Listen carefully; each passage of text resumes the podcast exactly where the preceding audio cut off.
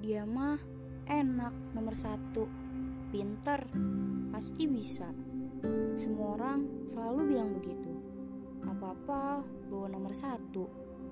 Lalu, bagaimana dengan si nomor satu itu sendiri? Apakah dia senang, bahagia, atau malah merasa terbebani? Atau bahkan sudah lelah dengan semua itu? Sampai-sampai ia sengaja atau tidak membuat kesalahan agar semua orang menghilangkan label itu. Akhirnya, kata-kata menjengkelkan pun dilontarkan. Kok bisa gini? Kok bisa gitu? Lucu ya, padahal nomor satu bukan berarti ia harus selalu benar. Ia juga bisa salah. Nomor satu kan juga manusia. Lalu apa? Meskipun begitu, ternyata sama saja tidak berpengaruh apa-apa. Semuanya tetap sama. Dia nomor satu.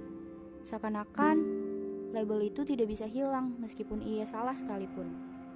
Sampai-sampai si nomor satu merasa bingung. Harus apa? Mungkin memang sangat naif jika si nomor satu tidak merasa senang akan itu.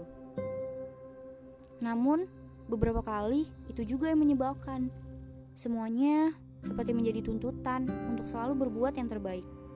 Mereka yang memberi label, kenapa si nomor satu yang bertanggung jawab? Walaupun memang sudah semestinya juga ia bersyukur akan hal itu.